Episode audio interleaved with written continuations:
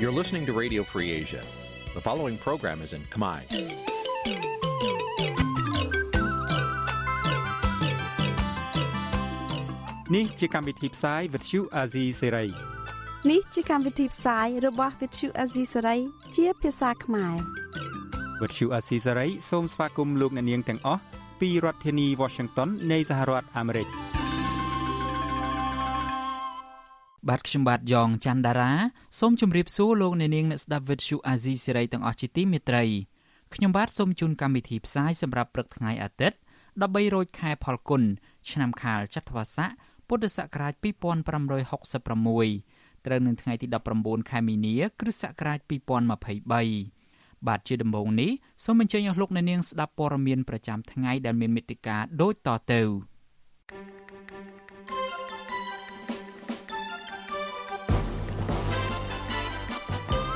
ចិនបញ្ជូនកងទ័ពជាង200នាក់មកធ្វើសម្ពយុទ្ធយោធានាមាសនៅកម្ពុជាគ្រួសារអ្នកជាប់ឃុំថាមន្ត្រីពន្ធនាគារខេត្តពោធិ៍សាត់ប្រព្រឹត្តអំពើពុករលួយនិងកេងប្រវ័ញ្ចសហគមន៍មានចំនួនដីធ្លីនៅខេត្តកោះកុង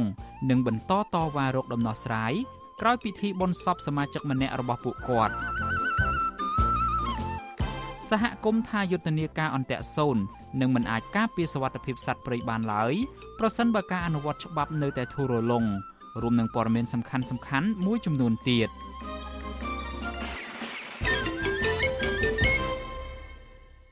បាទជាបន្តទៅទៀតនេះខ្ញុំបាទយ៉ងច័ន្ទដារាសូមជូនព័ត៌មានទាំងនេះពឺស្ដា លោកនៅនាងជាទីមេត្រីចិនបានបញ្ជូនកងទ័ពជាង200នាក់រួមទាំងសពាវុធធនធ្ងន់មកចូលរួមធ្វើសម្ពយុទ្ធយោធានាមាសឆ្នាំ2023ជាមួយនឹងកងទ័ពកម្ពុជា ដែលនឹងចាប់ផ្ដើមនៅសប្តាហ៍ក្រោយនេះអ្នកវិភាគប្រួយបារម្ភថាកម្ពុជានឹងពិបាករក្សាបាននូវអព្យាក្រឹតភាពរបស់ខ្លួនប្រសិនបើធ្វើសម្ពយុទ្ធយោធាតែជាមួយចិនហើយបន្តបដិសេធសម្ពយុទ្ធយោធាជាមួយនឹងប្រទេសលោកខាងលិចបាទលោកយុនសាមៀនរាយការណ៍ព័ត៌មាននេះ កម្ពុជាចិននឹងចាប់ផ្ដើមធ្វើសមយុទ្ធនាមាសប្រចាំឆ្នាំជាមួយគ្នាឡើងវិញ នៅឆ្នាំ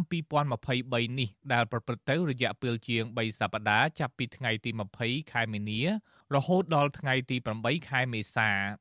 អ្នកជំនាញសាទរចំពោះការធ្វើសម្ពយុទ្ធដើម្បីជួយពង្រឹងសមត្ថភាពកងទ័ពកម្ពុជា រក្សាសន្តិសុខនិងជួយសង្គ្រោះពលរដ្ឋពីគ្រោះធម្មជាតិផ្សេងផ្សេងប៉ុន្តែព្រួយបារម្ភថាកម្ពុជាមិនទាន់អាចដោះស្រាយ ជាវិជ្ជមាននៅភាពរកម្មរកុសជាមួយសហរដ្ឋអាមេរិកក្រោយកម្ពុជាបានផ្អាកការធ្វើសម្ពយុទ្ធយោធារួមគ្នាជាមួយសហរដ្ឋអាមេរិកនិងអូស្ត្រាលីកាលពីឆ្នាំ2017កន្លងមក។អ្នកជំនាញផ្នែកវិទ្យាសាស្ត្រនយោបាយលោកអែមសវណ្ណារាប្រាប់វិទ្យុអាស៊ីសេរីថាអ្វីត្បិតលោកសាទរចំពោះការធ្វើសម្ពយុទ្ធយោធានេះប៉ុន្តែកាលណាកម្ពុជាធ្វើសម្ពយុទ្ធយោធាតែជាមួយចិនហើយមិនបានចាប់ផ្ដើមឡើងវិញ នៃការធ្វើសម្ពយុទ្ធឆ្មាំអង្គរជាមួយសហរដ្ឋអាមេរិកនិងសម្ពយុទ្ធគូព្រៃជាមួយអូស្ត្រាលីនោះនឹងធ្វើឲ្យកម្ពុជាកាន់តែពិបាករក្សាជំហរអព្យាក្រឹតភាពរបស់ខ្លួននៅលើឆាកអន្តរជាតិ។លោកបន្ថែមថាប្រសិនបើមានការវិតម្លៃថាកម្ពុជា បានបាត់បង់អព្យាក្រឹតភាពឬមានវត្តមានយោធាចិននៅលើទឹកដីរបស់ខ្លួនដោយការចោទប្រកាន់ពីសហរដ្ឋអាមេរិក និងក្រុមបណ្ដាសម្ព័ន្ធមិត្តអាមេរិកនោះកម្ពុជានឹងប្រឈមការដាក់ទណ្ឌកម្មធ្ងន់ធ្ងរបន្ថែមទៀតនាំឲ្យបាត់បង់ផលប្រយោជន៍ជាតិជាច្រើន ទាំងផ្នែកនយោបាយការទូតការជឿទុកចិត្តនិងបាត់បង់ប្រយោជន៍ពាណិជ្ជកម្ម បើសិនបើយើងបាត់អភិជាក្រិតភាពកម្ពុជាយើងបាត់នៅប្រយោជន៍ទំនាក់ទំនងពាណិជ្ជកម្មវាបាត់ការជឿទុកចិត្តវាបាត់ប្រយោជន៍នៃទំនាក់ទំនងការទូតនៅលើឆាកអន្តរជាតិហើយវាខុសនឹងគោលការណ៍ដែលក្នុងរដ្ឋធម្មនុញ្ញកម្ពុជានិងកិច្ចព្រមព្រៀងទីក្រុងប៉ារីសដែលកម្ពុជាថាប្រទេសកម្ពុជាជាប្រទេសអភិជាក្រិតប្រកាន់ជំហរអភិជាក្រិតណាវាខុសគោលការណ៍ច្បាប់ហ្នឹងអញ្ចឹងបណ្ដាប្រទេសដែលមានឥទ្ធិពលឬក៏ជាហត្ថលេខីនៃកិច្ចព្រមព្រៀងប៉ារីសហ្នឹងគេអាចមានវិធានការឬអន្តរាគមន៍នៅក្នុងក្របខ័ណ្ឌណាមួយដែលគេអាចធ្វើបាន ការលើកឡើងរបស់អ្នកវិភាគនេះធ្វើឡើងគណៈកងទ័ពចិនមានទាំងជើងគោកជើងទឹកនិងជើងអាកាសជាង200នាក់រួមទាំងសម្ភារៈយោធាធនធ្ងន់បានចាក់ចេញពីកំពង់ផែកងទ័ពនៅក្នុងខេត្តខ្វាងតុងភាគអាគ្នេយ៍ប្រទេសចិនកាលពីថ្ងៃទី10ខែមីនាដើម្បីឈ្មោះទៅកាន់កំពង់ផែស្វាយ័តក្រុងព្រះសីហនុកងទ័ពចិនទាំងនោះនឹងបន្តធ្វើដំណើរទៅទីលានធ្វើសម្ពយុទ្ធនៅមជ្ឈមណ្ឌល វឹកវើរបស់កងរាជអាវុធហត្ថនៅភ្នំជុំរីករាយស្ថិតនៅក្នុងស្រុកសាមគ្គីមានជ័យខេត្តកំពង់ឆ្នាំងឲ្យបានមុនថ្ងៃទី20ខែមីនានេះបើតាមការចុះផ្សាយរបស់ក្រសួងការពារជាតិចិនកាលពីថ្ងៃទី16ខែមីនាក្រសួងការពារជាតិចិនអះអាងថាការធ្វើសម្ពយុទ្ធនាគមាសលើកទី5នេះមានកងទ័ពប្រទេសកម្ពុជានិងចិនចូលរួមជាង3000នាក់មានរថយន្តជាង300គ្រឿង អាវុធយុទ្ធភ័ណ្ឌឧបករណ៍ដោះមីននិងឧបករណ៍ការពារជំងឺឆ្លងរាតត្បាតនិងផ្ដោតសំខាន់ជាចម្បងលើវឹកបឺនការពារសន្តិសុខនៅពេលមានព្រឹត្តិការណ៍សំខាន់សំខាន់ដូចជាការងារមនុស្សធម៌ការផ្លាស់ប្ដូរវប្បធម៌រវាងប្រទេសទាំងពីរក្រសួងការពារជាតិចិនបន្ថែមទៀតថាសម្ពយុទ្ធនេះក៏ដើម្បីកសាងសហគមន៍កម្ពុជានិងចិនតែមួយដែលមានអនាគតរួមគ្នានៅក្នុងយុគសម័យថ្មី ជុំវិញបញ្ហានេះវិទ្យុអាស៊ីសេរីមិនទាន់អាចសុំការឆ្លើយតបពីមន្ត្រីក្រសួងការពារជាតិកម្ពុជាបានទេដោយសាររដ្ឋមន្ត្រីក្រសួងការពារជាតិលោកទាបាញ់មិនលើកទូរស័ព្ទក្រោយហៅចូលច្រើនដងគណៈមន្ត្រីនាំពាក្យក្រសួងការពារជាតិលោកឈុំសុជាតិក៏អាស៊ីសេរីមិនអាចតាក់ទងបានដែរទោះបីជាយ៉ាងណាកន្លងមកកម្ពុជាបានអះអាងថាការលុបចោលសម្ពយុទ្ធឆ្មាំអង្គរជាមួយសហរដ្ឋអាមេរិកដោយសារតែហេតុផលជាប់បង្ក្រាបគ្រឿងញៀន និងការរៀបចំការបោះឆ្នោតប៉ុន្តែអ្នកវិភាគថាការលុបចោលសម្ពយុទ្ធនេះបានកើតឡើងបន្ទាប់ពីកម្ពុជារងការរិះគន់យ៉ាងខ្លាំងថាលំអៀងងាកទៅចិនសហរដ្ឋអាមេរិកកាន់តែមិនទុកចិត្តកម្ពុជារឿងលំអៀងខ្លាំងទៅចិន បន្ទាប់ពីកាសែត The Wall Street Journal កាលពីឆ្នាំ2019ផ្សាយថាកម្ពុជាបានចុះកិច្ចព្រមព្រៀងសម្ងាត់អនុញ្ញាតឲ្យយោធាចិន ប្រើប្រាស់មួយផ្នែកនៃមូលដ្ឋានកងទ័ពទឹករៀមសម្រាប់រយៈពេល30ឆ្នាំនិងការវាយកំទេចអាគារដែលសាងសង់ដោយជំនួយរបស់សហរដ្ឋអាមេរិកដោយគ្មានការជូនដំណឹងជាមុនកាលពីឆ្នាំ2020ដើម្បីកសាងអាគារថ្មីដែលជាជំនួយរបស់ចិនជំនួសវិញទោះបីជាយ៉ាងណាកាលពីថ្ងៃទី16មីនាលោកហ៊ុនសែនបានចេញមុខបដិសេធជាថ្មីថាកម្ពុជាគ្មានវត្តមានកងទ័ពចិននោះទេ ហើយលោកបានចោទប្រកាន់បរទេសថាកំពុងចាប់ផ្ដើមធ្វើយុទ្ធនាការឡើងវិញដើម្បីបង្ខូចកេរ្តិ៍ឈ្មោះរដ្ឋាភិបាលរបស់លោក តាមរយៈការចោទប្រកាន់ថានឹងផ្ដល់ឲ្យយោធាចិន ប្រើប្រាស់មូលដ្ឋានកងទ័ពរៀមលោកបន្តថាកម្ពុជាជាម្ចាស់ប្រទេសដូច្នេះកម្ពុជាមានសិទ្ធិសម្រេចទោះបីជាយ៉ាងណារដ្ឋធម្មនុញ្ញខ្មែរមិនអនុញ្ញាតឲ្យមានវត្តមានកងទ័ពបរទេសនៅលើទឹកដីកម្ពុជានោះទេ លោកហ៊ុនសែនក៏បង្ហាញការខឹងច្រឡោតនៅពេលមានការផ្សព្វផ្សាយពីរូបភាពកាយរណបដែលបានបង្ហាញពីការដ្ឋានសាងសង់មូលដ្ឋានកងទ័ពរៀមដោយលោកចាត់ទុកថាជារឿងមិនចាំបាច់និងជាទង្វើឆោតល្ងង់អាគារនឹងវានឹងឡើងខ្ពស់ថ្ងៃចាំទៅមើលទៅវាខ្ពស់ពេកហើយចាំបាច់ចាប់កាត់តឡាយទៅខ្មោចហើយល្ងងហើយក៏ល្ងងណាស់បើថាមិនបើថាភ្លើណា ខ្ញុំបញ្ជូននៃទាហានរបស់ខ្ញុំទៅពង្រៀនដែរឬក៏បញ្ជូននិស្សិតរបស់ខ្ញុំទៅពង្រៀនដែរមិនបាច់ខ្ញុំទៅពង្រៀនបន្តទេពួកវិស្វកម្មពួកសំណង់ស៊ីវិលរបស់យើងអាចទៅពង្រៀនដែរបានហើយរបៀបធ្វើយ៉ាងហើយព្រោះដូចជាជ្រុលពេកទោះបីជាយ៉ាងណាអ្នកវិភាគយល់ឃើញថាសម្ដីរបស់លោកហ៊ុនសែនមិនមែនជាផលចំណេញដើម្បីឲ្យសហរដ្ឋអាមេរិកមានការជឿទុកចិត្តវិញនោះទេ អ្នកជំនាញផ្នែកវិទ្យាសាស្ត្រនយោបាយលោកអែមសវណ្ណារាយល់ឃើញថាបញ្ហាសំខាន់របស់កម្ពុជានៅពេលនេះត្រូវរកវិធីកសាងទំនាក់ទំនងល្អជាមួយសហរដ្ឋអាមេរិកតាមរយៈការធ្វើឲ្យសហរដ្ឋអាមេរិកមានទំនុកចិត្តឡើងវិញ ទាំងផ្នែកយោធានិងផ្នែកនយោបាយអ្នកវិភាគរូបនេះហាក់មានសង្ឃឹមថាប្រសិនកម្ពុជាអាចរកវិធីឈានទៅចាប់ផ្ដើមការធ្វើសមយុទ្ធយោធាជាមួយសហរដ្ឋអាមេរិក និងការដោះស្រាយបញ្ហានយោបាយនានា ជាពិសេសករណីកាត់ទោសលោកកំសខា ប្រធានគណៈបកសង្គ្រោះជាតិនោះ វានឹងអាចឲ្យសហគមន៍អន្តរជាតិជាពិសេសសហរដ្ឋអាមេរិកមានទំនុកចិត្តលើកម្ពុជាឡើងវិញខ្ញុំយុនសាមៀនវិទ្យុអាស៊ីសេរីប្រធានាធិបតី Washington អាស៊ីសេរីលោកអ្នកនាងកំពុងស្ដាប់ការផ្សាយរបស់វិទ្យុអាស៊ីសេរីពីរដ្ឋធានី Washington នៃសហរដ្ឋអាមេរិក រដ្ឋធម្មនុញ្ញរបស់កម្ពុជាកំណត់យ៉ាងច្បាស់អំពីការរក្សាគោលនយោបាយការបរទេសអព្យាក្រឹតក៏ប៉ុន្តែលោកនាយករដ្ឋមន្ត្រីហ៊ុនសែនបានដឹកនាំប្រទេស40ឆ្នាំមកនេះហាក់ប្តីផ្ដួលទៅលើចិន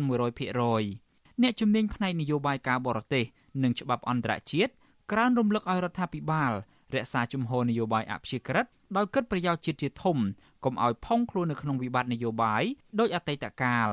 បានសំឡងនៅនាងរងចាំស្ដាប់សេចក្តីរាយការណ៍នេះពឹស្ដានៅក្នុងការផ្សាយរបស់យើងនៅពេលបន្តិចទៀតនេះ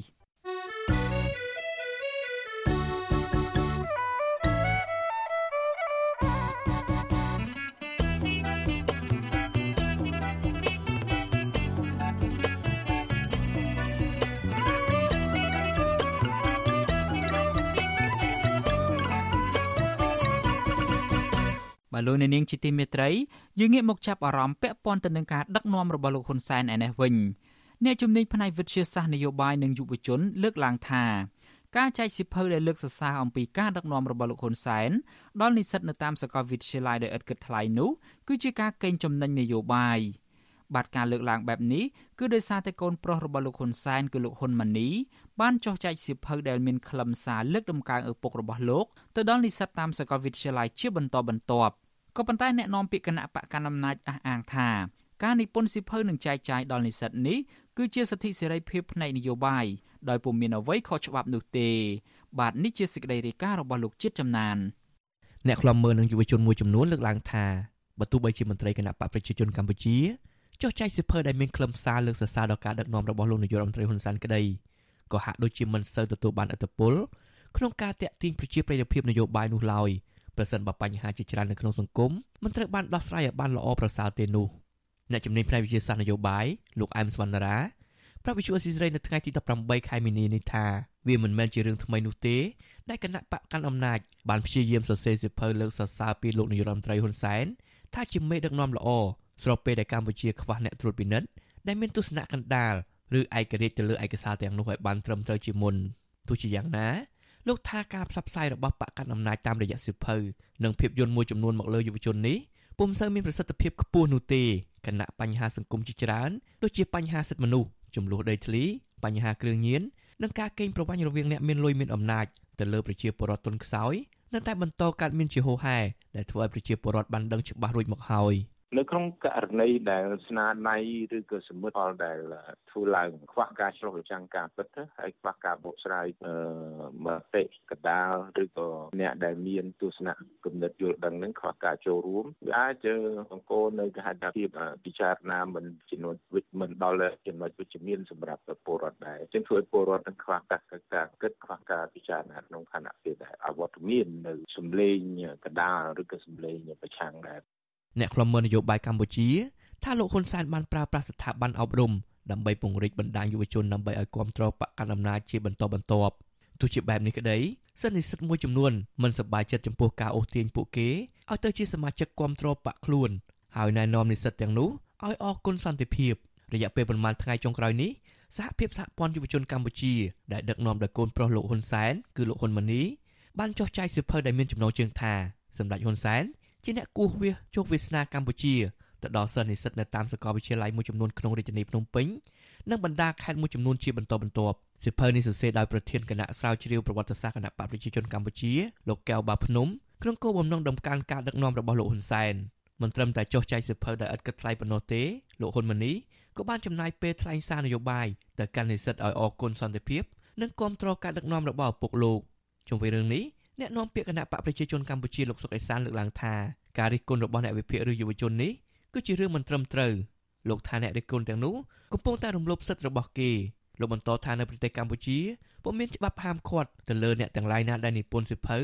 ឬផលិតរឿងរបស់មេដឹកនាំនោះទេកុំឲ្យតែរឿងទាំងនោះបង្កផលប៉ះពាល់ដល់ប្រទេសជាតិតែប៉ុណ្ណោះ អាហ្នឹងវាជារឿងធម្មតាកុំឲ្យទៅវាពាក់ព័ន្ធប៉ះពាល់សិទ្ធិដីថ្លៃថ្នូរកិត្តិយសរបស់បងប្អូនដែលទីទាននេះនោះបើទូគាត់មើលថាតើវាមានប៉ះពាល់កិត្តិយសដល់បងប្អូនទេបើសិនណាជាអត់មានទេអាហ្នឹងយើងរំលោភគេហើយព្រោះអាហ្នឹងវាទៅសេការផ្សព្វផ្សាយទូផ្សព្វផ្សាយស្អីក៏ដោយអាហ្នឹងវាជាសិទ្ធិដែលមានចែងនៅក្នុងរដ្ឋធម្មនុញ្ញហើយចំណែកនិស្សិតដែលកំពុងសិក្សានៅសាកលវិទ្យាល័យភូមិន្ទកសិកម្មរាជធានីភ្នំពេញសូមមិនបញ្ចេញឈ្មោះហើយលើកឡើងថាបច្ចុប្បន្ននេះ ក្រុមការងារសសយកកដែលជាអ្នកគ្រប់គ្រងបកកណ្ដាលអំណាចព្យាយាមចែកសិភៅដែលសរសេរសរសើរពីការដឹកនាំរបស់លោកហ៊ុនសែនជាបន្តបន្ទាប់លោកថាសកម្មភាពទាំងនោះពុំផ្ដល់គំរូល្អដល់យុវជននោះឡើយហើយលោកទទូចដល់រដ្ឋាភិបាលងាកមកគិតគូរជីវភាពរបស់ពលរដ្ឋនិងស្ដារប្រជាធិបតេយ្យព្រោះវាជារឿងចាំបាច់ដែលរដ្ឋាភិបាលគួរតែធ្វើ ខ្ញុំនៅតែអត់គ្រប់គ្រងចំពោះការអួតក្តែងក្តែងខ្លួនឯងថាជាអ្នកអ្នកជប់សន្តិភាពអ្នកបង្កើតសន្តិភាពព្រោះសន្តិភាពពិតប្រាកដវាមិនមែនកើតឡើងដោយងាយងាយស្រួលស្រួលហើយក៏មិនកើតឡើងដោយសារតែបកគលប្រមាណក្រុមមានបុព្វបុរសមានអ្នកលះបង់ជីវិតជាច្រើនដើម្បីក្តីសុខជាពលរដ្ឋឯករាជ្យភាពទឹកដីដូចសពថ្ងៃមួយរយៈពេលចុងក្រោយនេះលោកហ៊ុនសែនហាក់មានតម្រូវការកាន់តែខ្លាំងចំពោះការបញ្ចោតបញ្ជើលើកជើងលោកនិងគ្រួសាររបស់លោកដោយមិនឆ្លោះបញ្ចាំងពីការពិតឡើយ កន្លងទៅក្រុមអ្នកសិល្បៈមួយចំនួនដូចជាអ្នកកំ pl ែងអ្នកនិពន្ធអ្នកចម្រៀងល្បីៗទាំងបុរាណនិងសម័យព្រមទាំងអ្នកកាសែតជាដើមទទួលបានតំណែងធំៗក្នុងក្រសួងស្ថាប័នរដ្ឋដោយសារតែពួកគេបាននិយាយឬសរសេរនឹងច្រៀងលើកជើងលោកអ៊ុនសែននិងក្រុមគ្រួសារតកោហ៊ុនចំណែកអ្នកដែលនិយាយការពិតដើម្បីប្រយោជន៍ជាតិតែមិនស្របនឹងទស្សនៈរបស់លោកវិញលោកហ៊ុនសែននិងបកពួកតែងតែចាត់ទុកថាជាសត្រូវជាក្រុមអកតេឬក្បត់ជាតិហើយត្រូវអាជ្ញាធរចាប់ដាក់គុក ឬត្រូវភៀសខ្លួនទៅក្រៅប្រទេសដោយរស់នៅបែកបាក់គ្រួសារជាដើមក្រៅពីនេះសៀវភៅបទចម្រៀងដែលឆ្លុះបញ្ចាំងពីការពិតនៅក្នុងសង្គមឬរិះគន់ការដឹកនាំរបស់លោកហ៊ុនសែនវិញអាជ្ញាធរតែងតែរារាំងមិនឲ្យចេញផ្សាយនោះឡើយជាក់ស្ដែងកន្លងមកអាជ្ញាធរបានដកហូតសៀវភៅរបស់តំណាងរាស្ត្របកប្រឆាំងលោកយ៉ែមពញ្ញរិទ្ធដែលមានចំណងជើងថាចាក់កុវិស័យក្នុងការផ្សះផ្សាជាតិនិងការរៀបចំសង្គមជាតិការហាមមិនឲ្យចេញផ្សាយបទចម្រៀងដែលមានចំណងជើងថាភ្ជុំបិណ្ឌនឹកស្រុកដែលច្រៀងដោយលោកម៉ៅហាជី នៃផលិតកម្មថោននិងបទឈាមបាតកោច្រៀងដោយយុវជនគៀសុគន្ធជាដើមលោកនាយករដ្ឋមន្ត្រីហ៊ុនសែនរងការរិះគន់ពីសហគមន៍ជាតិនិងអន្តរជាតិថាលោកកំពុងដឹកនាំប្រទេសទៅរករបបផ្ដាច់ការកាន់តែខ្លាំងតាមរយៈការបំបិតនិងកំទេចគូប្រកួតនិងសម្លេងរិះគន់ក្នុងរយៈពេល40ឆ្នាំមកនេះលោកមានឈ្មោះជាមេដឹកនាំផ្ដាច់ការក្នុងការបង្ក្រាបដៃគូប្រកួតប្រជែងនិងកំទេចស្ថាប័នព័ត៌មានឯករាជ្យអស់ពីកម្ពុជា អ្នកវិភាគនិងពលរដ្ឋ ថាបើទោះបីជាលោកហ៊ុនសែនព្យាយាមចំណាយលុយរាប់ម៉ឺនដុល្លារឲ្យគេនិពន្ធសៀវភៅនិងផលិតរឿងថាខ្លួនជាមេដឹកនាំល្អក៏ដោយក៏ពុំអាចលៀងគេឈ្មោះអាក្រក់របស់លោកបាននោះទេប្រសិនបើលោកមិនស្ដារប្រជាធិបតេយ្យនិងការគោរពសិទ្ធិមនុស្សឡើងវិញនោះខ្ញុំបាទជាចំណាន Visual Assisray ពីរដ្ឋធានី Washington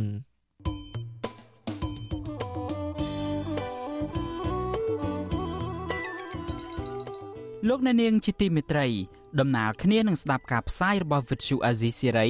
នៅតាមបណ្ដាញសង្គម Facebook និង YouTube លោកអ្នកនាងក៏អាចស្ដាប់ការផ្សាយរបស់យើងតាម Vuthu រលក ធាតុអាកាសខ្លីបានដែរ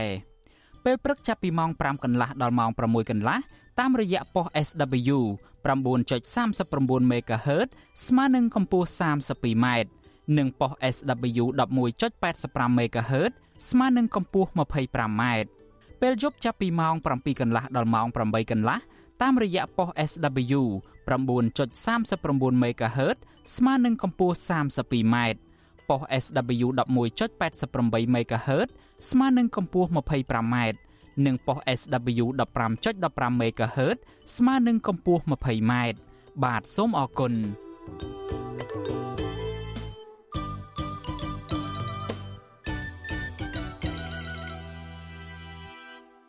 បាទលោកនាងជាទីមេត្រី ពាក់ព័ន្ធទៅនឹងបញ្ហាអំពើពុករលួយឯនេះវិញ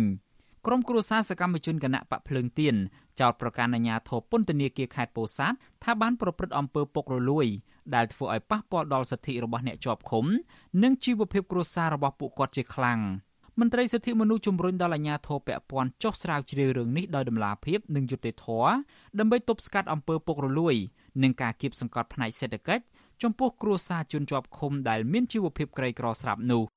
គ្រួសារសកម្មជនគណៈបកប្រឆាំងនៅខេត្តពោធិ៍សាត់ស្នើដល់អាជ្ញាធរពាក់ព័ន្ធទប់ស្កាត់អំពើពុករលួយនៅក្នុងពន្ធនាគារខេត្តពោធិ៍សាត់ឲ្យមានប្រសិទ្ធភាពកូនប្រុសសកម្មជនគណៈបកភ្លើងទៀនដែលកំពុងជាប់ពន្ធនាគារខេត្តពោធិ៍សាត់លោកអុកសាវរិន គឺលោកអុកសាវសុភារ៉ាប្រាប់វិទ្យុអាស៊ីសេរីនៅថ្ងៃទី18ខែមីនាថា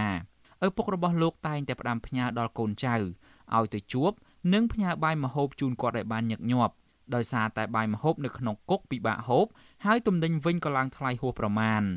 ក៏ប៉ុន្តែលោកថានៅក្នុងរយៈពេលចុងក្រោយនេះមូលហេតុដែលលោកពុំសូវទៅជួបសួរសុខទុក្ខឬមួយក៏ផ្ញើម្ហូបអាហារឲ្យឪពុកបានដិតដល់ដូចពីមុននោះគឺដោយសារតែលោកគ្មានប្រាក់បង់ថ្លៃស៊ីម៉ងមួយបាវស្មើនឹង20000រៀលទៅឲ្យមន្ត្រីពន្ធនាគារនៅទីនោះលើសពីនេះទៅទៀតលោកអះអាងថាមន្ត្រីពន្ធនាគារដែលបានដឹកឪពុករបស់លោកចូលសវនាការនៅសាឡាវធរបាត់ដំបងកន្លងទៅនោះក៏ធ្លាប់ទារថ្លៃសាំងពីឪពុករបស់លោក ចំនួន50ដុល្លារនិងថ្លៃហូបចុកថែមទៀតផងលោកអុកសៅសុភារ៉ាឲ្យដឹងថាដោយសារតែការប្រព្រឹត្តអំពើពុករលួយ របស់មន្ត្រីពន្ធនាគារបែបនេះទើបឪពុករបស់លោកសម្រេចមិនប្តឹងជំទាស់ទៅនឹងសាលដីការបស់សាឡាវធរទៅតុលាការកំពូលបន្តទៀតឡើយពីព្រោះតែជីវភាពគ្រួសារខ្វះខាត ហើយគាត់មិនសង្ឃឹមថានឹងទទួលបានយុត្តិធម៌ ការយកកម្រៃពីការចូលជួបក្រុមគ្រួសារនៅខាងក្នុងពន្ធនាគារហ្នឹងវាពិតជាមានផលប៉ះពាល់ណាស់ដល់អ្នកដែលមានក្រុមគ្រួសារជាប់គុកនៅក្នុងពន្ធនាគាររឿងការដែលផ្ញើរបស់របរប្រើប្រាស់ចូលទៅក្នុងពន្ធនាគារសូមឲ្យអស់លោកបើកទលំទលាយកុំឲ្យមានការរឹតបន្តឹងដោយសារតែមានការលក់ដូរនៅខាងក្នុងការរកស៊ីរបស់អស់លោកតែជាធ្វើឲ្យបាត់បង់សិទ្ធិនិងប្រយោជន៍របស់អ្នកជាប់ឃុំស្រដៀងគ្នានេះ ប្រពន្ធសកម្មជនគណៈបកភ្លើងទៀនម្នាក់ទៀតដែលកំពុងជាប់ឃុំលោកឈួនឈឿងគឺលោកស្រីជូឈឿនថ្លែងថាមកទល់ពេលនេះប្តីរបស់លោកស្រីកំពុងជាប់ឃុំអស់រយៈពេល1ឆ្នាំដោយអយុត្តិធម៌លោកស្រីរៀបរាប់ថាបច្ចុប្បន្នលោកស្រីនិងកូនកូនក្រៅពីរងទុក្ខសោកលេីឡំនឹងជីវភាពទីទាល់ក្រហើយនោះលោកស្រីត្រូវតែផ្សាយផ្សំប្រាក់បន្តិចបន្តួចសម្រាប់ផ្ញើជូនប្តីជាប្រចាំខែក៏ប៉ុន្តែប្រពន្ធរបស់សកម្មជនគណៈបកប្រឆាំងរូបនេះឲ្យដឹងថា អ្វីដែលលោកស្រីខកចិត្តខ្លាំងនោះគឺដោយសារតែឆ្មាំពន្ធនាគារតែងតែកម្រិតឲ្យអ្នកស្រី និងគ្រួសារជនជាប់ឃុំផ្សេងទៀតត្រូវបង់ប្រាក់នៅកន្លែងចុះឈ្មោះចំនួន5000រៀលនិងកន្លែងត្រួតពិនិត្យចំនួន20000រៀលក្នុងម្នាក់ដើម្បីជាថ្នូរទៅនឹងការអនុញ្ញាតឲ្យចូលជួបសួរសុខទុក្ខអ្នកជាប់ឃុំនៅទីនោះលោកស្រីជូឈឿនអះអាងថាលោកស្រីចង់ដាក់ពាក្យប្តឹងករណីនេះ ដើម្បីស្នើឲ្យស្ថាប័នពាក់ព័ន្ធជួយអន្តរាគមន៍ក៏ប៉ុន្តែលោកស្រីមិនដឹងថាដាក់ពាក្យប្តឹងនៅកន្លែងណានោះទេម្នាក់ម្នាក់ឡើងធ្ងោទៅហុំជូនកាលអ្នកទៅអត់លុយហើយមុនទៅជាមួយខ្ញុំតាចាស់ម្នាក់ចិត្តអត់ទៅសុកគាត់ផ្ញើទៅបានជួបកូនទៅវិញអញ្ចឹងទៅអត់លុយហ៎ភាពជាក់ស្ដែងបើខ្ញុំអត់មានពុទ្ធពោកុហកអុក ចោតប្រកាន់ទេធ្វើហួសពេកអញ្ចឹងដោយអយុត្តិធម៌ហួសពេកដោយតែប្រាក់ខែក៏មានលុយក៏មានទៅហេតុអីក៏លាក់ជាប់ទៅឲ្យយកនាយក៏ខ្លាំងម្លេះរួលុយណាណាមួយប្តីជាពន្ធនាគារសតផងឲ្យរួលុយណាចូលដល់ទាលុយគ្នាយ៉ាងហ្នឹងវិទ្យុអាស៊ីសេរីមិនអាចតាក់ទងប្រធានពន្ធនាគារខេត្តពោធិ៍សាត់លោកអ៊ីសំអុលដើម្បីបកស្រាយជុំវិញរឿងនេះបាននៅឡើយទេ នៅថ្ងៃទី18ខែមីនា ក៏ប៉ុន្តែអ្នកនាំពាក្យអគ្គនាយកដ្ឋានពន្ធនាគារនៃក្រសួងមហាផ្ទៃលោកនុតសវណ្ណាបកស្រាយថា តាមច្បាប់ការផ្ញើសម្ភារៈនិងការចូលជួបសួរសុខទុក្ខឬមួយក៏ការដឹកជញ្ជូនជនជាប់ឃុំចូលសវនាការនោះមិនតម្រូវឲ្យបង់ប្រាក់ទេហើយបើមន្ត្រីពន្ធនាគារប្រព្រឹត្តទង្វើបែបនេះនោះគឺជាអំពើខុសច្បាប់លោកនុតសាវណ្ណាជំរុញឲ្យគ្រួសារអ្នកជាប់ឃុំរាយការណ៍មកអគ្គនាយកដ្ឋានពន្ធនាគារឬមួយក៏សរសេរពាក្យប្តឹង ដោយភ្ជាប់អង្គហេតុឲ្យបានត្រឹមត្រូវផ្ញើចូលទៅ Facebook រដ្ឋមន្ត្រីក្រសួងមហាផ្ទៃលោកសខេង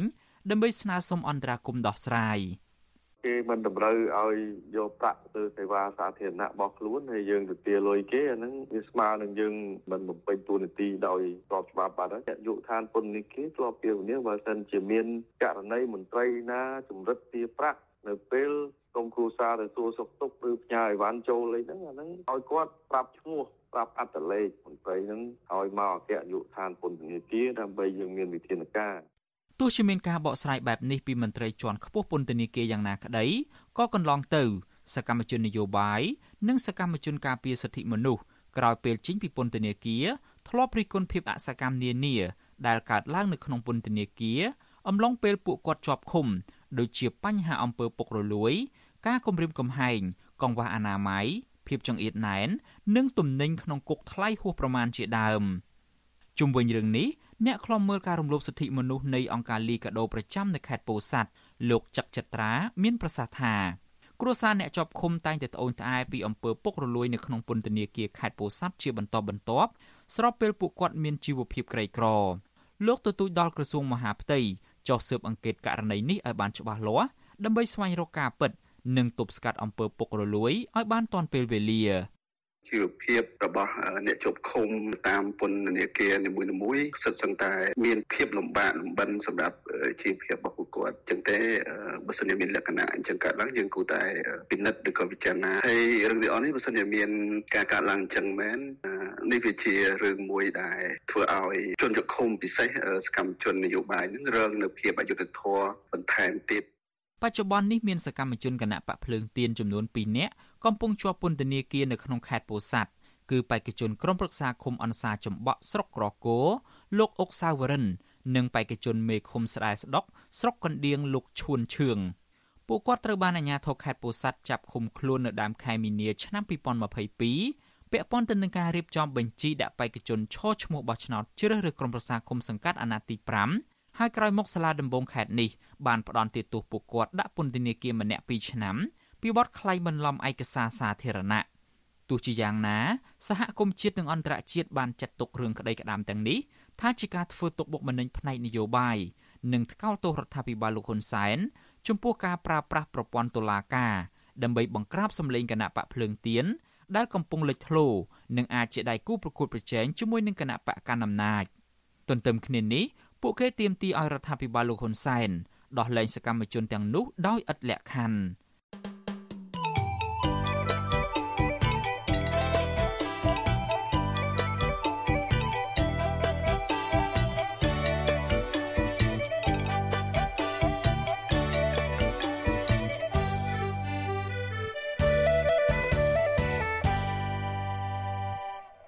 បើលើនៅនាងជាទីមេត្រីពាក់ព័ន្ធទៅនឹងបញ្ហាដីធ្លីនៅខេត្តកោះកុងឯណោះវិញប្រជាពលរដ្ឋដែលរងគ្រោះពីការរំលោភបំពានដីធ្លីពីសំណាក់ក្រុមហ៊ុនស្កអំពើរបស់លោកលីយ៉ុងផាត់នៅក្នុងខេត្តកោះកុងគ្រងប្រមូលផ្ដុំគ្នាតវ៉ាជាថ្មីទៀតបន្ទាប់ពីបញ្ចប់បុណ្យសពសមាជិកម្នាក់របស់ពួកគាត់ដែលបានស្លាប់នៅពេលតវ៉ាដើម្បីឲ្យអាជ្ញាធរដោះស្រាយបញ្ចប់វិវាទដីធ្លីដ៏រ៉ាំរ៉ៃមួយនេះ។ បាទអង្គការសង្គមស៊ីវិលស្នើដល់អាជ្ញាធរគួរតែពន្លឿនការដោះស្រាយនិងផ្ដល់សំណងឲ្យបានសមរម្យដល់ប្រជាពលរដ្ឋដើម្បីកុំឲ្យពួកគាត់រងការឈឺចាប់ដោយសារតែការបាត់បង់ដីធ្លី និងផ្ទះសម្បែងបន្តទៅទៀតបាទពីប្រទេសអូស្ត្រាលីលោកថាថៃរាយការណ៍ព័ត៌មាននេះពឹស្ដាប្រជាសហគមន៍រងគ្រោះដីធ្លីចំនួន3នៅខេត្តកោះកុងដែលមានចំនួនជិត500នាក់ដែលរងគ្រោះដោយការរំលោភដីធ្លីពីក្រុមហ៊ុនស្កអំពើអុកញ៉ាលីយ៉ុងផាត់ បានផ្អាកការតវ៉ាបណ្ដោះអាសន្នបន្ទាប់ពីការប្រមូលផ្ដុំគ្នានៅមុខសាលាខេត្តកោះកុងកាលពីថ្ងៃទី16ខែមីនាដែលបានជួបនៅបញ្ហាសុខភាពនិងមានសមាជិកម្នាក់បានស្លាប់តំណាងសហគមន៍843នៅស្រុកបតុមសាគរខេត្តកោះកុងអ្នកស្រីជុំស្រីនៅប្រាប់វិទ្យុអាស៊ីសេរីនៅថ្ងៃទី18មីនាថាលោកស្រីខកចិត្តចំពោះអាញាធរខេត្តកោះកុងដែលមិនអាចដោះស្រាយចំនួនដីធ្លីរ៉ាំរ៉ៃជូនប្រជាពលរដ្ឋបាន លោកស្រីបន្តថារយៈពេលជិត20ឆ្នាំមកនេះប្រជាពលរដ្ឋដែលមានចំនួនដីធ្លីជាមួយលោកអុកញ៉ាលីយ៉ុងផាត់បានទទួលរងនៅរបួសផ្លូវកាយនិងផ្លូវចិត្តនិងផ្នែកសេដ្ឋកិច្ចរហូតធ្លាក់ខ្លួនឈឺនិងបាត់បង់ជីវិតទោះជាយ៉ាងនេះក្តីលោកស្រីថាប្រជាសហគមន៍រងគ្រោះដីធ្លីក្រុងនឹងប្រមូលផ្ដុំគ្នាតវ៉ានៅពេលឆាប់ៗនេះដើម្បីទាមទារឲ្យអាជ្ញាធររកដំណោះស្រាយបន្ទាប់ពីអ្នកតវ៉ាបានស្បៃពីការហត់នឿយនិងជំងឺ សូមស្នើទៅខាងអាជ្ញាធរខេត្តសូមឲ្យគាត់យកចិត្តទុកដាក់ចំពោះប្រជាពលរដ្ឋដែលរងគ្រោះដីធ្លីនឹងផងហើយសូមឲ្យស្នើទៅលោកជំទាវមេតាពុថងហ្នឹងយកចិត្តទុកដាក់ចំពោះកូនចៅផងព្រោះអីកូនចៅសពថ្ងៃពឹងតែលើម៉ែឪទេបើសិនជាគាត់ជាម៉ែជាឪគាត់អត់អើពើជាមួយនឹងកូនចៅអញ្ចឹងឲ្យកូនចៅនឹងទៅពឹងអ្នកណាទៀតបើខាងក្រសួងគេបានទេមកឲ្យខាងខេត្តអីអញ្ចឹងអស់ហើយហេតុអីក៏លោកជំទាវគាត់មិនអើពើចំពោះការរងគ្រោះរបស់ប្រជាពលរដ្ឋហ្នឹង កាលពីថ្ងៃទី15ខែមិនិនាប្រជាពលរដ្ឋដែលរងគ្រោះពីការរំលោភដីធ្លីពីក្រុមហ៊ុនស្កអំពៅលោកអញ្ញាលីយ៉ុងផាត់ចំនួនជាង400នាក់មកពីសហគមន៍ចំនួន3ស្ថិតនៅក្នុងស្រុកស្រែអំបិលនិងស្រុកបទុមសាគរបានប្រមូលផ្ដុំគ្នានៅមុខសាលាខេត្តកោះកុងដើម្បីតាមដានញត្តិដែលពួកគាត់បានដាក់កាលពីខែមករានិងស្នើសុំជួបអភិបាលខេត្តកោះកុងអ្នកស្រីមិថុនាភូថងនិងអភិបាលរងខេត្តកោះកុងលោកសុកសុធីដើម្បីឲ្យជួយអន្តរាគមន៍រឿងដីធ្លី។ ការជួបជុំប្រមូលផ្ដុំតាមដានញត្តិនេះប្រជាពលរដ្ឋបានចំណាយពេលរងចាំនៅមុខសាលាខេត្តជាង9ម៉ោងក្រោមកម្ដៅថ្ងៃក្ដៅយ៉ាងខ្លាំងជាមួយនឹងផ្លាកដែលសរសេរនៅលើសម្បកការុងដែលមានខ្លឹមសារទទូចឲ្យអាជ្ញាធរជួយអន្តរាគមន៍និងខ្លះទៀតស្នើឲ្យតុលាការទម្លាក់ចោលបទចោទលើតំណាងសហគមន៍ពីបទញុះញង់និងបរិហាគេជាសាធារណៈជាលទ្ធផលរហូតដល់ម៉ោង4រសៀលអាជ្ញាធរមិនបានទទួលយកសំណើប្រជាពលរដ្ឋមកដោះស្រាយនោះទេ ប្រជាពលរដ្ឋដែលមកតវ៉ាមានក្មេងចាស់ប្រុសស្រីនិងជនពិការបានបន្តដេកចាំវត្តមានអភិបាលខេត្តកោះកុងអ្នកស្រីមិថុនាភូថងនិងអភិបាលរងខេត្តកោះកុងលោកសុកសុធីដោយអ្នកខ្លះដេកលើកន្ទេលនិងខ្លះដេកលើសម្បកការុងនៅពីមុខផ្លាកអគុណសន្តិភាពដែលបិទនៅពីលើរបងសាលាខេត្តដោយសារតែអាកាសធាតុក្តៅខ្លាំងនិងដេកកណ្ដាលវាលហាលទឹកសន្សើមផងនោះបានធ្វើឲ្យប្រជាពលរដ្ឋមានបញ្ហាសុខភាពជាច្រើនអ្នកក្នុងនោះពលរដ្ឋ4នាក់បានដួលសន្លប់ ហើយក្នុងនោះមានពលរដ្ឋម្នាក់បានស្លាប់នៅតាមផ្លូវពេលដឹកទៅសង្គ្រោះនៅមន្ទីរពេទ្យបង្អែកខេត្តកោះកុងពលរដ្ឋដែលបានស្លាប់បាត់បង់ជីវិតគឺលោកបូកឆេកជាជនពិការជើងម្ខាងដែលលោកមានជីវភាពទាល់ក្រខ្លាំងពិធីបុណ្យសពរបស់លោកបូកឆេកបានបញ្ចប់ហើយនៅថ្ងៃទី18ខែមីនាជាមួយគ្នានេះតំណាងសហគមន៍កំពុងពិភាក្សាគ្នាដើម្បីកំណត់ថ្ងៃតវ៉ាបន្តទៀតកូនប្រុសរបស់លោកបូកឆេកគឺលោកឆឹងមករាប្រាប់វិទ្យុអាស៊ីសេរីយ៉ាងខ្លីថា គ្រួសាររបស់លោកកាន់តែទទួលរងនូវទុក្ខវេទនាបន្ថែមទៀតបន្ទាប់ពីដីធ្លីត្រូវបានអ្នកមានអំណាចរំលោភយកហើយត្រូវបាត់បង់ឪពុកម្នាក់ទៀតខ្ញុំមានអារម្មណ៍សោកស្ដាយណាស់ដែលបានបាត់បង់ឪពុកខ្ញុំវិទ្យុអាស៊ីសេរីមិនអាចតាក់ទងអភិបាលខេត្តកោះកុងអ្នកស្រីមិថុនាភូថងនិងអភិបាលរងខេត្តកោះកុងលោកសុកសុធីដើម្បីសុំការបកស្រាយបានទេនៅថ្ងៃទី18ខែមិនិនាដោយទូរស័ព្ទហៅចូលជាច្រើនដងតែមិនមានអ្នកទទួលតាក់ទិននឹងរឿងនេះ រដ្ឋបាលខេត្តកោះកុងកាលពីថ្ងៃទី17មិនិនាបានចេញសេចក្តីប្រកាសព័ត៌មានមួយដោយបដិសេធថាលោកបូកឆេកមិនមែនជាពលរដ្ឋដែលចូលរួមតវ៉ាក្នុងចំនួនដីធ្លីនោះទេហើយករណីស្លាប់របស់លោកគឺបណ្ដាលមកពីជំងឺលើសឈាមនិងដាច់សរសៃឈាមក្នុងខួរក្បាលសេចក្តីប្រកាសរបស់រដ្ឋបាលខេត្តកោះកុងថាទំនាស់ដីធ្លីរវាងប្រជាពលរដ្ឋជាមួយក្រុមហ៊ុនកោះកុង Sugar និងក្រុមហ៊ុនកោះកុង Plantation របស់លោកអុកញ៉ាលីយ៉ុងផាត់ បានបញ្ចប់ការដោះស្រាយជាស្ថាពរដោយក្រសួងរៀបចំដែនដីនិងនគររូបនីយកម្មតាំងពីឆ្នាំ2018មកម្លេះរដ្ឋបាលខេត្តកោះកុងបានចោទប្រកាន់ក្រមប្រជាពលរដ្ឋដែលបន្តទាមទារឲ្យដោះស្រាយបញ្ហាដីធ្លីនេះថាគ្មានមូលដ្ឋានច្បាស់លាស់ផ្ទុយពីការលើកឡើងរបស់រដ្ឋបាលខេត្តកោះកុងប្រជាពលរដ្ឋដែលចេញមកតវ៉ាប្រតិកម្មថានេះគឺជាការបកស្រាយបំភ្លៃគ្មានការពិតនិងដើម្បីការពារមុខមាត់របស់អាជ្ញាធរតែប៉ុណ្ណោះ ប្រជាពលរដ្ឋបានបង្ហាញរូបថតជាច្រើនសន្លឹកដែលបញ្ជាក់ពីសកម្មភាពរបស់លោកបូកឆេកដែលចូលរួមតវ៉ាយ៉ាងសកម្មស្របពេលដែលពលរដ្ឋមួយចំនួនទៀតក៏នៅក្នុងហេតុការណ៍នៃការស្លាប់របស់លោកបូកឆេកដែរប្រជាពលរដ្ឋអះអាងថាការស្លាប់នេះដោយសាររដ្ឋបាលខេត្តកោះកុងមិនយកចិត្តទុកដាក់ពន្យាពេលក្នុងការអនុញ្ញាតឲ្យតំណាងប្រជាពលរដ្ឋចូលជួបចរចាដោយទុកឲ្យពលរដ្ឋដែលចូលរួមតវ៉ាទាំងអស់រងចាំក្រោមកម្ដៅថ្ងៃក្តៅខ្លាំងអស់រយៈពេលជិត10ម៉ោង ចំណែកឯដំណោះស្រាយវិញពួកគេក៏នៅតែមិនទាន់ទទួលបានសំណងឡើយជុំវិញរឿងនេះមន្ត្រីសម្របសម្រួលសមាគមអាត់ហុកប្រចាំខេត្តកោះកុងលោកង៉ែតស៊ីណាប់មានប្រសាសន៍ថាអាញាធរគូតែសហការជាមួយប្រជាពលរដ្ឋដោះស្រាយបញ្ចប់វិវាទដីធ្លីនេះដើម្បីកុំឲ្យប្រជាពលរដ្ឋបន្តរងទុក្ខទៀតលោកស្នើដល់រដ្ឋាភិបាលគូសិក្សាពីផលប៉ះពាល់លើកម្មសិទ្ធិដីធ្លីរបស់ប្រជាពលរដ្ឋជាមុនសិនមុននឹងផ្ដល់សិទ្ធិទៅឲ្យក្រុមហ៊ុនវិនិយោគ នៃអភិវឌ្ឍអភិវឌ្ឍមានន័យថាអភិវឌ្ឍតែក្រុមហ៊ុនឯកជនឬអីប៉ុន្តែការទុកសុខទុករបស់រាជអត់បានគិតគូរដិតដល់អញ្ចឹងធ្វើឲ្យគាត់នឹងខាតប្រយោជន៍អញ្ចឹងវាអត់មានន័យថាដំណាភាពក្នុងការអភិវឌ្ឍទេលោកលីយ៉ុងផាត់ដែលមានរហស្សនាមថាស្ដេចកោះកុងនឹងមានទូនាទីជាសមាជិកព្រឹទ្ធសភាត្រូវបានរដ្ឋាភិបាលតែងតាំងជាប្រតិភូរាជរដ្ឋាភិបាលទទួលបន្ទុកអភិវឌ្ឍខេត្តកោះកុងនិងជាទីប្រឹក្សាសេដ្ឋកិច្ចពិសេសរបស់លោកហ៊ុនសែន បានជាប់ឈ្មោះជាឈ្មួញទុច្ចរិតដែលពាក់ព័ន្ធនឹងអំពើពុករលួយការរំលោភសិទ្ធិមនុស្សនិងកេងប្រវ័ញ្ចលើកម្លាំងពលកម្មកុមារជាដើមថ្មីថ្មីនេះរដ្ឋមន្ត្រីក្រសួងមហាផ្ទៃលោកសខេងក៏បានស្ដីបន្ទោសអភិបាលខេត្តមួយចំនួនថាអសកម្មមិនដោះស្រាយបញ្ហាដីធ្លីជូនប្រជាពលរដ្ឋដោយសារតែខ្លាចឥទ្ធិពលអ្នកដែលរំលោភបំពានដីធ្លីរបស់ប្រជាពលរដ្ឋទំនាស់ដីធ្លីរវាងប្រជាពលរដ្ឋជាមួយក្រុមហ៊ុនកោះកុង Sugar និងក្រុមហ៊ុនកោះកុង Plantation របស់លោកលីយ៉ុងផាត់បានអូសបន្លាយពេលតាំងពីឆ្នាំ2006មក នៅមិនទាន់ទទួលបានដំណោះស្រាយសមស្របណាមួយនោះទេក្នុងនោះតំណាងមួយចំនួនក៏ថែមទាំងត្រូវបានជាប់បណ្ដឹងនៅតុលាការថែមទៀតជារឿយៗប្រជាពលរដ្ឋដែលរងគ្រោះពីបញ្ហាដីធ្លីពុំសូវមានភ័ព្វសំណាងបានចូលជួបមន្ត្រីជាន់ខ្ពស់រដ្ឋាភិបាលឬលោកនាយករដ្ឋមន្ត្រីហ៊ុនសែនដើម្បីឲ្យជួយអន្តរាគមន៍ដោះស្រាយបញ្ហារបស់ពួកគាត់ឡើយករណីនេះខុសឆ្ងាយពីអ្នកទេសចរចិននិងអ្នកដំណើរលើនាវា Westerdam នាពេលកន្លងមកដែលទាំងលោកហ៊ុនសែននិងមន្ត្រីជាន់ខ្ពស់របស់លោក បានខំស្កាត់ពីចម្ងាយទៅបំពាក់កម្រងផ្កាស្វាគមន៍ពួកគេចូលប្រទេសកម្ពុជាដោយមិនខ្លាចឆ្លងជំងឺ Covid-19 សម្រាប់ប្រជាពលរដ្ឋរងគ្រោះដីធ្លីនិងក្រុមកម្មកររងគ្រោះការងារវិញពួកគេតែងតែជួបឧបសគ្គជាច្រើនទម្រាំបានដាក់ញត្តិម្ដងម្ដងដូចជាត្រូវដើរនឹងឈរកណ្ដាលថ្ងៃនិងប្រឈមការប្រើហិង្សាពីអាជ្ញាធរជាដើមខ្ញុំថាថៃពីទីក្រុងមែលប៊ន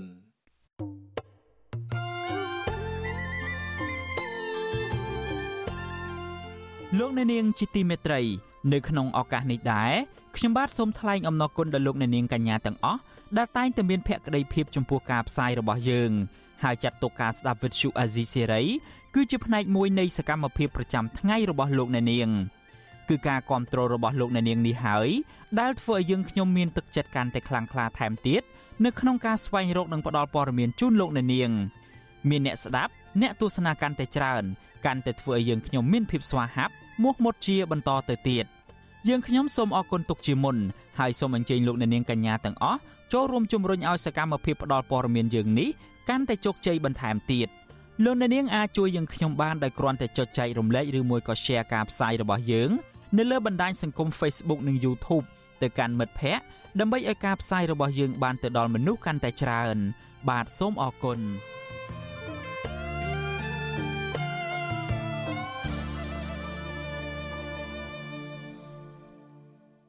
បាទលោកអ្នកនាងជាទីមេត្រីពាក់ព័ន្ធទៅនឹងវិស័យទេសចរវិញកម្ពុជារកបានចំណូលប្រមាណ1400លានដុល្លារអាមេរិកអំពីកំណើនភ្ញៀវទេសចរបរទេសចំនួន7.2លាន3សែននាក់នៅក្នុងឆ្នាំ2022ហើយបើប្រៀបធៀបទៅនឹងឆ្នាំ2021គឺកើនឡើងប្រមាណ660%របាយការណ៍របស់ក្រសួងទេសចរបង្ហាញថា កំណើនភ្ញៀវទេសចរបរទេសបានកើនឡើងបន្ទាប់ពីកម្ពុជាបានបើកប្រទេសឡើងវិញនិងបានបន្ធូរបន្ថយវិធានការសុខាភិបាលប្រឆាំងទៅនឹងជំងឺ Covid-19 កាលពីចុងឆ្នាំ2021អំឡុងឆ្នាំ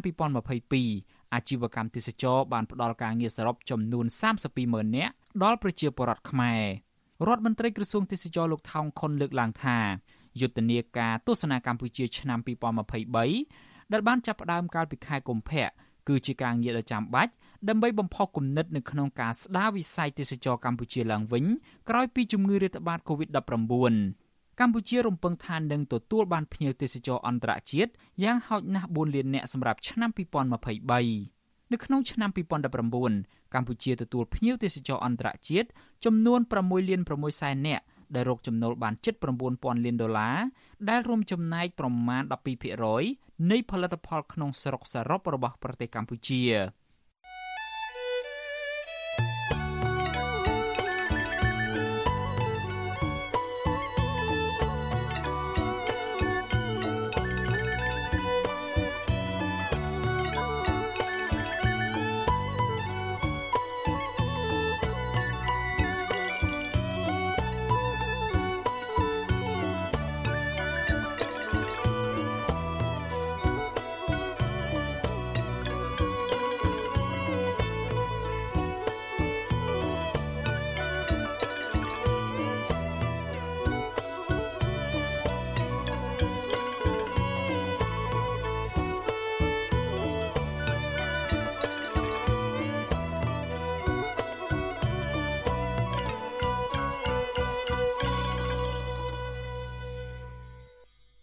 លោកអ្នកនាងកំពុងស្ដាប់ការផ្សាយរបស់ Vuthu Azizi Serai ពីរដ្ឋធានី Washington នៃសហរដ្ឋអាមេរិក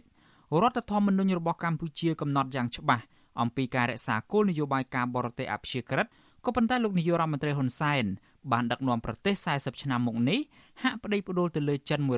100%អ្នកជំនាញផ្នែកនយោបាយការបរទេសនិងច្បាប់អន្តរជាតិក្រើនរំលឹកឲ្យរដ្ឋាភិបាលរក្សាជំហរនយោបាយអព្យាក្រឹតដោយគិតប្រយោជន៍ជាតិជាធំ កុំឲ្យផុងខ្លួននៅក្នុងវិបត្តិនយោបាយដោយអតីតកាល បាទសំលោកនៅនាងស្ដាប់សេចក្តីរាយការណ៍ពិស្ដារអំពីរឿងនេះរបស់លោកនៅវណ្ណរិនដូចតទៅទន្ទឹមនឹងការបង្ហាញសកម្មភាពនិងនយោបាយពឹងពាក់ទៅលើចិនហើយវាយប្រហារទៅលើក្រមប្រទេសប្រជាធិបតេយ្យនោះលោកនាយករដ្ឋមន្ត្រីហ៊ុនសែនក៏តែងតែបញ្ចេញសារក្រោតក្រៀតដាក់ប្រទេសសេរីជាបន្តបន្ទាប់ថ្មីថ្មីនេះលោកក៏បានប្រមានសហរដ្ឋអាមេរិកកុំឲ្យប្រព្រឹត្តនៅអ្វីដែលលោកហៅថាជាកំហុសទី3មកលើកម្ពុជា ការព្រមានរបស់លោកហ៊ុនសែនចុងក្រោយនេះធ្វើឡើងបន្ទាប់ពីឯកអគ្គរដ្ឋទូតអាមេរិកលោក Patrick Murphy បានសម្ដែងការខកចិត្តប្រាប់ក្រុមអ្នកសារព័ត៌មាននៅមុខតុលាការក្រុងភ្នំពេញថាសារក្រមផ្ដន្ទាទោសប្រធានគណៈបកសង្គ្រោះជាតិលោកកឹមសុខាដាក់ពន្ធនាគារ27ឆ្នាំដោយឃុំនៅក្នុងផ្ទះគឺជាការសម្រេចដ៏អយុត្តិធម៌ ក្រោយពីប្រទេសចិនធានាផ្ដល់ប្រាក់កម្ចីនិងផ្ដល់ជំនួយឥតសំណងជាហូរហែដល់កម្ពុជាលោកហ៊ុនសែនហាក់លែងខ្វល់ខ្វាយនឹងការរិះគន់មកលើទង្វើបំពានច្បាប់និងការរំលោភសិទ្ធិមនុស្សនៅកម្ពុជាមាត្រា25នៃរដ្ឋធម្មនុញ្ញកម្ពុជាចែងថាកម្ពុជាត្រូវប្រកាន់ខ្ជាប់នូវនយោបាយអព្យាក្រឹតអចិន្ត្រៃយ៍និងមិនចូលបកសម្ព័ន្ធកម្ពុជារួមរស់ដោយសន្តិសហវិជ្ជមានជាមួយប្រទេសជិតខាង និងប្រទេសទាំងអស់នៅលើពិភពលោក។ សាស្ត្រាចារ្យនិងអ្នកប្រឹក្សាយោបល់ផ្នែកច្បាប់លោកសឹមវិបុលពន្យល់ថាមូលហេតុដែលរដ្ឋធម្មនុញ្ញកំណត់ឲ្យកម្ពុជាប្រកាន់ខ្ជាប់នយោបាយអព្យាក្រឹតពីព្រោះចំណុចនេះគឺដកស្រង់ពីខ្លឹមសារកិច្ចព្រមព្រៀងនៃទីក្រុងប៉ារីក្នុងគោលបំណងការពារកុំឲ្យកម្ពុជាធ្លាក់ក្នុងភ្លើងសង្គ្រាមដណ្ដើមភូមិសាស្ត្រនយោបាយរវាងប្រទេសសេរីនិងប្លុកកុម្មុយនីសបើសិនជាយើងលំអៀងទៅខាងមួយទៀតទៅខាងពួកប្លុកកុម្មុយនីស នៅក្បែរយើងវាមានវៀតណាមវាមានឡាវវាមានអីចឹងទៅហហើយអញ្ចឹងវាផលប៉ះពាល់ធ្ងន់ធ្ងរគឺយើងអាចនឹងមានបញ្ហាដូចយើងជួបវិបត្តិរឿងចាស់ដដែលរឿងសង្គ្រាមរឿងការដណ្ដើមគ្នាដើម្បីកាន់កាប់ភូមិសាស្ត្រយោបាយជាដើមពីពួកមហាអំណាចលោកសឹមវិបុលឲ្យដឹងទៀតថាឯកសារមានតម្លៃផ្លូវច្បាប់ជាតិនិងអន្តរជាតិដែលបញ្ជាក់ពីជំហរអព្យាក្រឹតរបស់កម្ពុជារួមមានកិច្ចព្រមព្រៀងទីក្រុងប៉ារីនិងរដ្ឋធម្មនុញ្ញ មេរៀនពីអតីតកាលបង្ហាញថាទំនាក់ទំនងអន្តរជាតិដែលផ្អៀងទៅមនោគមនយោបាយណាមួយជ្រុលពេកមិនមានលទ្ធផលល្អសម្រាប់កម្ពុជានោះទេការអំឡុងដើមសតវត្សទី60កម្ពុជាប្រកាសមិនទទួលជំនួយពីសហរដ្ឋអាមេរិកនិងលោកសេរីផ្សេងទៀតហើយប្តេជ្ញាផ្ដួលទៅលើប្លុកកុម្មុយនីសលុះដល់សម័យសាធារណរដ្ឋនៅឆ្នាំ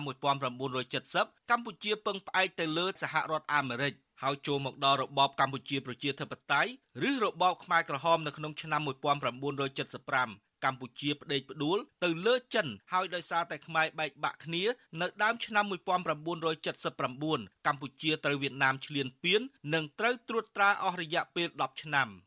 កម្ពុជាពីអតីតប្រហែលជាពឹងផ្អែកទៅលើបរទេសខ្លាំងពេករហូតដល់លែងទុកចិត្តខ្លួនឯងលែងស្គាល់ខ្លួនឯងលែងមានមោទនភាពជាមួយជាតិខ្លួនឯងរហូតដល់ពេលបច្ចុប្បន្នមេដឹកនាំកម្ពុជាលោកហ៊ុនសែនលើកសំណួរថាបើមិនឲ្យខ្ញុំទៅពឹងចិនតើឲ្យខ្ញុំទៅពឹងអ្នកណា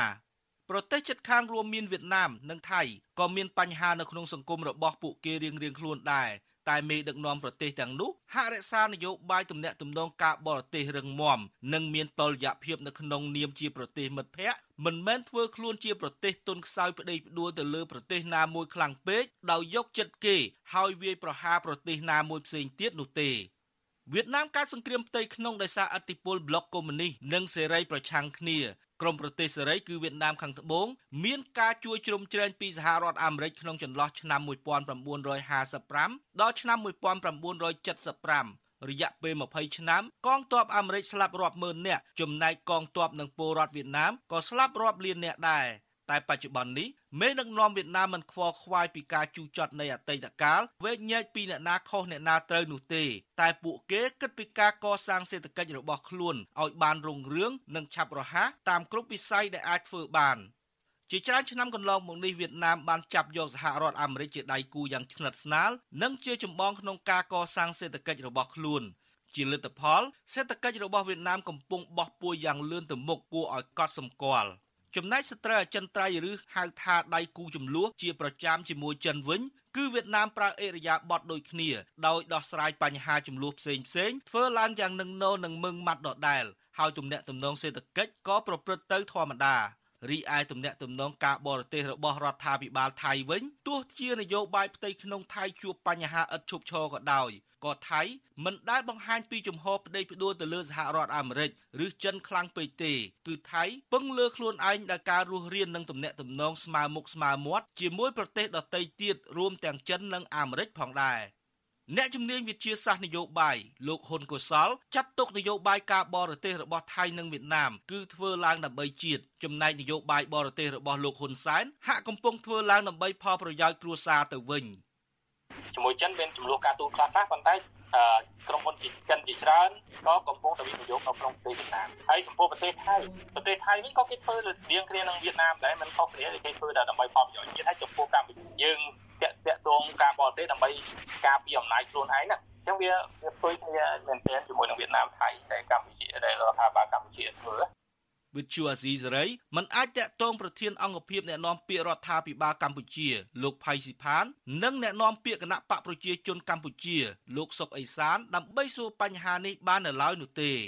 ទន្ទឹមនឹងមានការចោទពីអ្នកវិភាគក្រមប្រឆាំងនិងអ្នកការទូតនានាថាកម្ពុជាបានដើរចេញពីភាពអព្យាក្រឹតទៅគាំទ្រគោលនយោបាយចិនទាំងបើកចំហនោះ គឺលោកហ៊ុនសែនតែងតែច្រានចោលការចោទប្រកាន់ទាំងនោះដោយលោកបញ្ជាក់ថាលោកមិនដែលបដិសេធការជួយឬបដិសេធមិនរាប់អានប្រទេសណាមួយនោះទេឲ្យតែការផ្ដល់ជំនួយឬការរាប់អាននោះមិនជ្រៀតជ្រែកកិច្ចការផ្ទៃក្នុងដើម្បីបំផ្លាញសន្តិភាពរបស់កម្ពុជា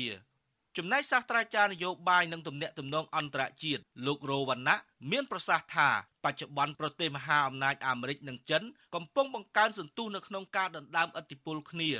លោកបន្តថាក្នុងស្ថានភាពនេះកម្ពុជាត្រូវរក្សាជំហរនយោបាយការបរទេសកុំឲ្យធ្លាក់ខ្លួនចូលទៅក្នុងអន្ទាក់នយោបាយក្នុងប្រទេសណាមួយគឺចិនមើលឃើញថាយោបាយដែលល្អគឺបង្កើតប្លុកភូមិសាស្ត្រសេដ្ឋកិច្ចដើម្បីឲ្យប្រទេសទាំងអស់នោះធ្លាក់ទៅក្នុងអន្ទាក់ នៃភូមិសាស្ត្រនយោបាយរបស់ចិននៅក្នុងពេលអនាគតគ្រប់គ្រងចិនដើម្បីខ្លាយជាពិភពធំនៅក្នុងតំបន់អាស៊ីអាគ្នេយ៍អញ្ចឹងយើងមើលឃើញថាការប្រកួតជែងគ្នាគឺស្រួយស្រាងណាស់ហើយប្រទេសតូចៗហ្នឹងគឺច្បាស់ជាមហាអំណាចទាំងពីរអូសឲ្យចូលទៅក្នុងអន្ទាក់នៃការប្រកួតជែងភូមិសាស្ត្រនយោបាយ លោករវណ្ណៈក៏រំលឹកដល់ថ្នាក់ដឹកនាំឲ្យប្រកាន់ខ្ជាប់ក្នុងការអនុវត្តនយោបាយអព្យាក្រឹតដូចមានចែងនៅក្នុងរដ្ឋធម្មនុញ្ញនិងកិច្ចព្រមព្រៀងសន្តិភាពទីក្រុងប៉ារីនៅក្នុងឆ្នាំ1991ចឹងអ្វីដែលខ្ញុំមើលឃើញកម្ពុជាអាចរក្សានយោបាយការបរទេសអព្យាក្រឹតភាពរបស់ខ្លួនហ្នឹងគឺសម្ដៅថាទៅធ្វើពិពិធកម្មការទូត ទាំងសេដ្ឋកិច្ចនិងការទូតនឹងជាមួយនឹងបណ្ដាប្រទេសទាំងអស់នៅលើពិភពលោកដោយព្យាយាមធ្វើម៉េចកុំឲ្យមានភាពដែលគេមើលឃើញថាយើងផ្អៀងទៅភាគីណាមួយដែលអាចខ្លាចជាការគម្រាមកំហែងទៅដល់សមត្ថភាពឬក៏សន្តិសុខរបស់យើងនាពេលអនាគត ដោយសារតែឥទ្ធិពលនយោបាយលោកហ៊ុនសែនប្តេជ្ញាផ្ដួលទៅលើចិនជ្រុលហើយបន្តរំលោភសិទ្ធិមនុស្សនិងបំផ្លាញប្រជាធិបតេយ្យនៅក្នុងប្រទេសកម្ពុជាធ្វើឲ្យពលរដ្ឋរងគ្រោះជាហេតុធ្វើឲ្យសហភាពអឺរ៉ុបកន្លងមកកាត់ប្រព័ន្ធអនុគ្រោះពន្ធ EBA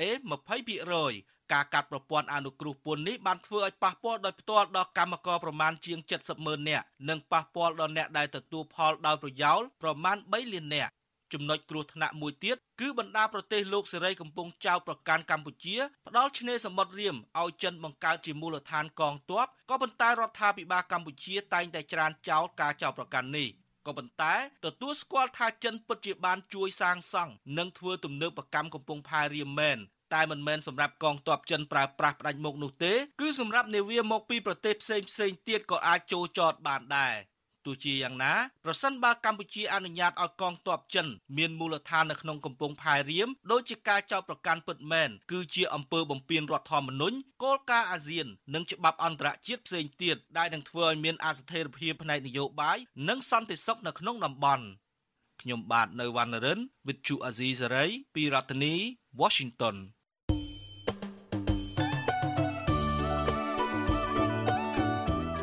លោកអ្នកនាងជាទីមេត្រី ក្រៅពីការតាមដានកម្មវិធីផ្សាយរបស់ Vuthu Azizi Serai នៅតាមបណ្ដាញសង្គម Facebook YouTube និង Telegram លោកអ្នកនាងក៏អាចតាមដានកម្មវិធីផ្សាយរបស់យើងនៅតាមរយៈបណ្ដាញ Instagram បានដែរតាមរយៈតំណ link ដែលមានអាសយដ្ឋាន www.instagram.com/rfa ខ្មែរអាស៊ីសេរីបន្តខិតខំផ្សព្វផ្សាយព័ត៌មានពិតទៅកាន់បងប្អូនតាមរយៈបណ្ដាញសង្គមផ្សេងផ្សេងនិងសម្បូរបែប ដើម្បីឲ្យលោកអ្នកនាងងាយស្រួលតាមដានកម្មវិធីផ្សាយរបស់អាស៊ីសេរីគ្រប់ពេលវេលា និងគ្រប់ទីកន្លែង តាមរយៈទូរស័ព្ទរបស់លោកអ្នកនាង បាទសូមអរគុណ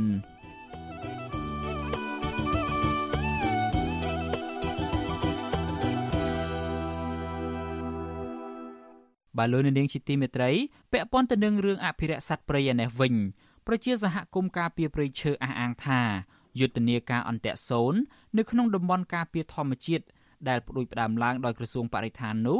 នឹងគ្មានប្រសិទ្ធភាពឡើយប្រសិនបើអាជ្ញាធរពាក់ព័ន្ធមិនអាចដោះស្រាយសកម្មភាពកាប់ឈើមានតម្លៃការទុនទ្រានព្រៃនិងបន្តរដ្ឋបិទប្រជាសហគមន៍មិនឲ្យការពារព្រៃឈើទៀតនោះបាទលោកសេកបណ្ឌិតសូមជូនសេចក្តីរាយការណ៍អំពីរឿងនេះដូចតទៅប្រជាសហគមន៍ការពារព្រៃឈើរស់នៅខេត្តកំពង់ស្ពឺព្រះវិហារនិងខេត្តមណ្ឌលគិរីពន្យល់ថា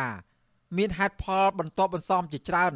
បានរួមចំណែកធ្វើឲ្យសត្វព្រៃបន្តបាត់បង់គឺអាស្រ័យលើឆន្ទៈរបស់រដ្ឋាភិបាល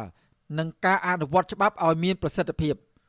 ពួកគាត់ចាត់ទុកថាយុទ្ធនាការអន្តៈសូននៅក្នុងតំបន់ការពារធម្មជាតិកម្ពុជា របស់ក្រសួងបរិស្ថាន ដែលប្រារព្ធឡើងជាលើកទី2នៅក្នុងឆ្នាំ2023នេះគឺធ្វើឡើងគ្រាន់តែបង្ក្រប់កិច្ចតែប៉ុណ្ណោះតែធៀបពិតសត្វព្រៃនៅតែរងគ្រោះ ដោយសារក្រសួងបរិស្ថានអសមត្ថភាព កាលពីដើមខែមីនា ក្រសួងបរិស្ថាន និងអង្គការដៃគូ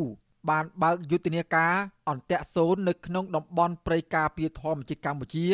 ដំណាក់កាលទី2ក្នុងខេត្តចំនួន6ក្នុងតំបន់ជួរភ្នំក្រវាញយុទ្ធនាការនេះក្នុងបំណងចូលរួមក្នុងកិច្ចការពារសត្វព្រៃនិងអភិរក្សធនធានធម្មជាតិនៅកម្ពុជា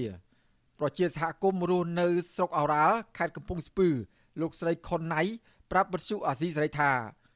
ដើមឈើធំធំក្នុងតំបន់ជួរភ្នំក្រវាញកណ្ដាលដែលជាជំរកសត្វព្រៃនិងជាកន្លែងដែលសត្វស្វាទូចលូតលេងកំសាន្តនៅតែប្រឈមការកាប់ផ្ដួលរំលំធ្វើអាជីវកម្មជាបន្តបន្ទាប់រីឯអន្ទាក់ជាច្រើនប្រភេទនៅតែជាឧបសគ្គបង្កគ្រោះថ្នាក់ដល់សត្វព្រៃជាច្រើនប្រភេទក្នុងពេលដែលពួកគេស្វែងរកចំណីស្ថិតនៅក្នុងចំណុចខ្នងវាល ខ្នងផ្សារភ្នំថ្មព្រុយភ្នំខ្នងដងពេញ និងភ្នំដូនពាយជាដើមលោកស្រីថាមកទួលនឹងពេលនេះបើទោះបីជាប្រជាសហគមន៍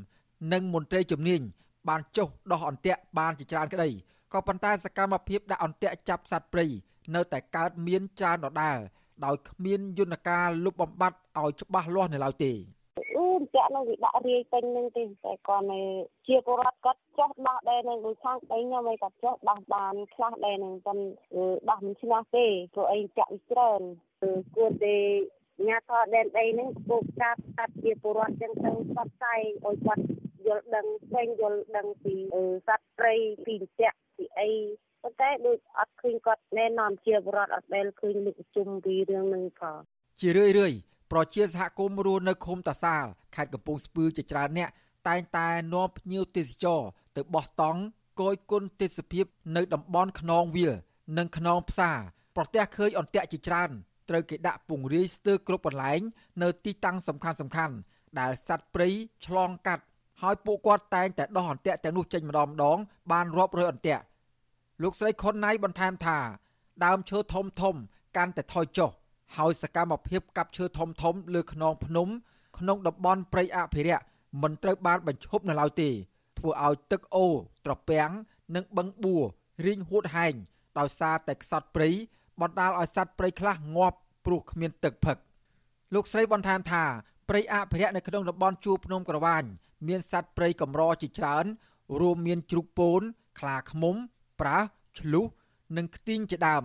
ពួកគេតែងតែរងគ្រោះថ្នាក់ដោយជាប់អន្ទាក់ងាប់ជាបន្តបន្ទាប់ជារៀងរាល់ឆ្នាំចំណែកឯឆ្មាប់អភិរក្សរបស់ក្រសួងបរិស្ថានមិនបានស៊ើបអង្កេតរោគជនល្មើសយកមកផ្ដន់ទោសតាមច្បាប់នោះឡើយយុទ្ធនាការអន្ទាក់សូនលើកទី2ដែលនឹងប្រព្រឹត្តទៅនៅក្នុងរយៈពេល5ខែចាប់ផ្ដើមនៅថ្ងៃទី3ខែមីនា ដល់ខែកក្កដាឆ្នាំ2023ហើយត្រូវចុះអនុវត្តនៅក្នុងខេត្តកំពង់ស្ពឺខេត្តពោធិ៍សាត់ខេត្តកោះកុង ខេត្តបាត់ដំបង និងសៀមរាបកាលពីឆ្នាំមុនយុទ្ធនាការនេះបានប្រារព្ធឡើងរយៈពេល6ខែ ដែលអនុវត្តក្នុងខេត្តក្រចេះស្ទឹងត្រែងរតនគិរី កំពង់ធំ ព្រះវិហារនិងខេត្តមណ្ឌលគិរីជាមួយគ្នានេះប្រធានបណ្ដាញសហគមន៍ជនជាតិដើមភាគតិចភ្នងខេត្តមណ្ឌលគិរី លោកស្រីភ្លឹកភិរមសង្កេតឃើញថាឆ្នាំមុនអាញាធរអនុវត្តយុទ្ធនាការនេះគ្មានបានលទ្ធផលជាដុំកំភួនឡើយ ហើយសត្វព្រៃនៅតែរងគ្រោះឥតឈប់ឈរដោយសារតែសកម្មភាពកាប់ទន្ទ្រានព្រៃយកដី ការបរបាញ់សត្វការលក់សាច់សត្វព្រៃតាមហាង និងការកាប់ឈើធំធំ ដែលជាចម្រុកសត្វព្រៃរស់នៅជាដើមលោកស្រីបន្ថែមថា បច្ចុប្បន្នការជួញដូរសត្វព្រៃខុសច្បាប់ នៅតែកើតមានច្រើន រួមមានសត្វស្វា និងទោជាដើមធ្វើឲ្យសត្វព្រៃទាំងនោះបន្តថយចុះជាបន្តបន្ទាប់ ឲ្យឈ្មួញកាប់បំផាញ់ព្រៃឈើទៀតនៅតែមានការវិនិយោគដីធ្លីសម្រាប់ក្រុមហ៊ុនមួយចំនួនទៀតអញ្ចឹងសត្វព្រៃគឺទី1គឺអត់មានចម្រុះទី2ទៀតការកាប់បំផាញ់ឈើទាំងអស់តែវិលក់នៅទីផ្សារអញ្ចឹងអាហ្នឹងក៏ជាកត្តាសំខាន់ដែលធ្វើឲ្យបាត់បង់សត្វព្រៃហើយខ្ញុំឃើញខ្ញុំក៏ដឹងដែរថានៅក្នុងសហគមន៍មួយចំនួនគឺទៅរសត្វស្ពោចអីយកទៅលក់នៅទីផ្សារអញ្ចឹងចង់និយាយថាការរត់ពំសត្វព្រៃនៅក្នុងខេត្តដូចមួយខ្ញុំឃើញថាមិនដែលមិនដែលឃើញវាប្រសើរឡើងទេកម្មតាបាត់បង់ទៅបាត់បង់ទៅវិទ្យុអាស៊ីសេរីនៅពុំទាន់អាចតាក់ទងសុំការបំភ្លឺអំពីរឿងនេះពីអ្នកនាំពាក្យក្រសួងបរិស្ថានលោកនេតភត្រាបាននៅឡើយទេ នៅថ្ងៃទី17មីនាដោយទូរស័ព្ទហៅចូលតែគ្មានអ្នកទទួលក្រសួងបរិស្ថានចាត់ទុកយុទ្ធនាការនេះត្រូវបានអនុវត្តជាប់លាប់និងប្រើប្រាស់ជាមធ្យោបាយឃោសនាចម្រុះដើម្បីផ្សព្វផ្សាយឲ្យប្រជាពលរដ្ឋនិងសាធារណជនទូទៅ ដែលរស់នៅក្បែរតំបន់ការពារព្រៃធម្មជាតិឲ្យយល់ដឹងអំពីផលវិបាកនានាដែលបង្កឡើងដោយការដាក់អន្ទាក់ និងការបរបាញ់សត្វព្រៃក្រសួងចាត់ទុកយុទ្ធនាការលើកទី1អនុវត្តបានជោគជ័យស្របទៅនឹងផែនការយុទ្ធសាស្ត្រនិងចក្ខុវិស័យរបស់ក្រសួងបរិស្ថាន ក្នុងកិច្ចការពារនិងស្ដារតំបន់ការពារធម្មជាតិកម្ពុជាដើម្បីប្រយោជន៍សេដ្ឋកិច្ចជាតិរួមទាំងភាពប្រសើរឡើងរបស់ប្រជាសហគមន៍នៅវិស័យទេសចររដ្ឋលេខាធិការក្រសួងបរិស្ថាន លោកនិតភត្រាធ្លាប់បានប្រាប់បទសុអសីសេរីថាក្រសួងបានយកចិត្តទុកដាក់ខ្ពស់ ក្នុងកិច្ចការពារតំបន់ការពារធម្មជាតិគ្រប់កន្លែងដោយបញ្ជូនឆ្មាំអភិរក្សសង់ទីស្នាក់ការនិងចុះល្បាតជាប្រចាំដើម្បីដោះអន្ទាក់និងទប់ស្កាត់បទល្មើសធនធានធម្មជាតិលោកថាឆ្មាំអភិរក្សរបស់ក្រសួងបរិស្ថាននឹងអនុវត្តច្បាប់ដោយមិនលើកលែងរាល់បុគ្គលណា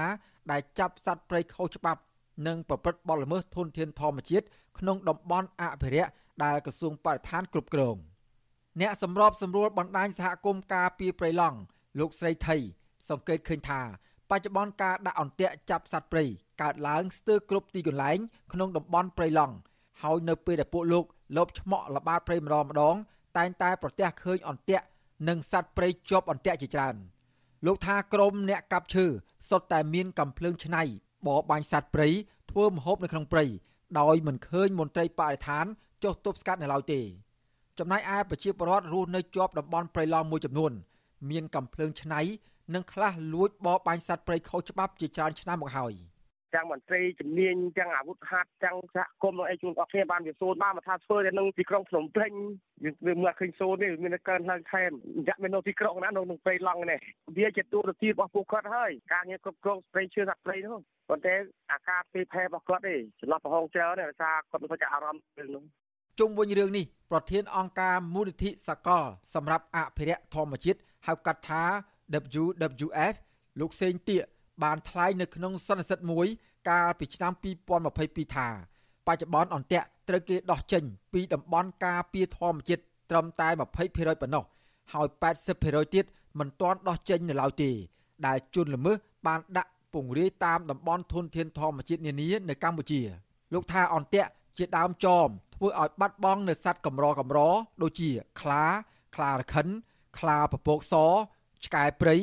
និងខ្លាឃ្មុំជាដើមប្រធានអង្គការសត្វព្រៃរូបនេះបន្តអំពាវនាវឲ្យស្ថាប័នជំនាញពាក់ព័ន្ធអនុវត្តច្បាប់លើជនល្មើសដែលសម្លាប់សត្វព្រៃកម្រនិងការលក់សាច់សត្វព្រៃនៅតាមភោជនីយដ្ឋាននានារបាយការណ៍របស់ក្រសួងបរិស្ថានបង្ហាញថាអន្ទាក់ដែលបានដោះចេញនៅក្នុងឆ្នាំ2021មានចំនួនជាង60000អន្ទាក់ បានកើនឡើងប្រមាណជាង20%បើប្រៀបធៀបនឹងឆ្នាំ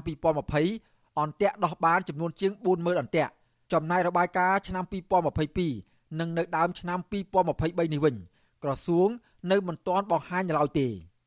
ខ្ញុំបាទសេកបណ្ឌិតវុទ្ធុអាស៊ីសេរីពីរដ្ឋធានីវ៉ាស៊ីនតោន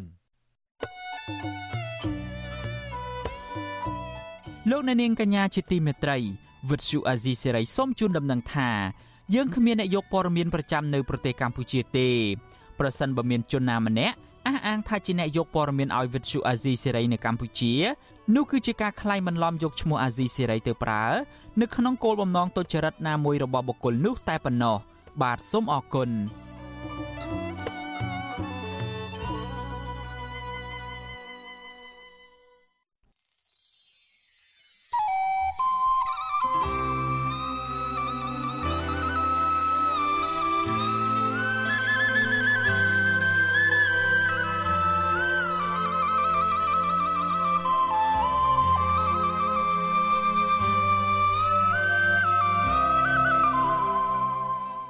លោកអ្នកនាងជាទីមេត្រីការផ្សាយរយៈពេល1ម៉ោងរបស់វិទ្យុអាស៊ីសេរីនៅព្រឹកនេះចប់ត្រឹមតែប៉ុណ្ណេះយើងខ្ញុំសូមជូនពរដល់លោកអ្នកនាងព្រមទាំងក្រុមគ្រួសារទាំងអស់ឲ្យជួបប្រកបតែនឹងសេចក្តីសុខចម្រើនរុងរឿងកុំបីឃ្លៀងឃ្លាតឡើយខ្ញុំបាទយ៉ងច័ន្ទដារាព្រមទាំងក្រុមការងារទាំងអស់នៃវិទ្យុអាស៊ីសេរីសូមអរគុណនិងសូមជម្រាបលា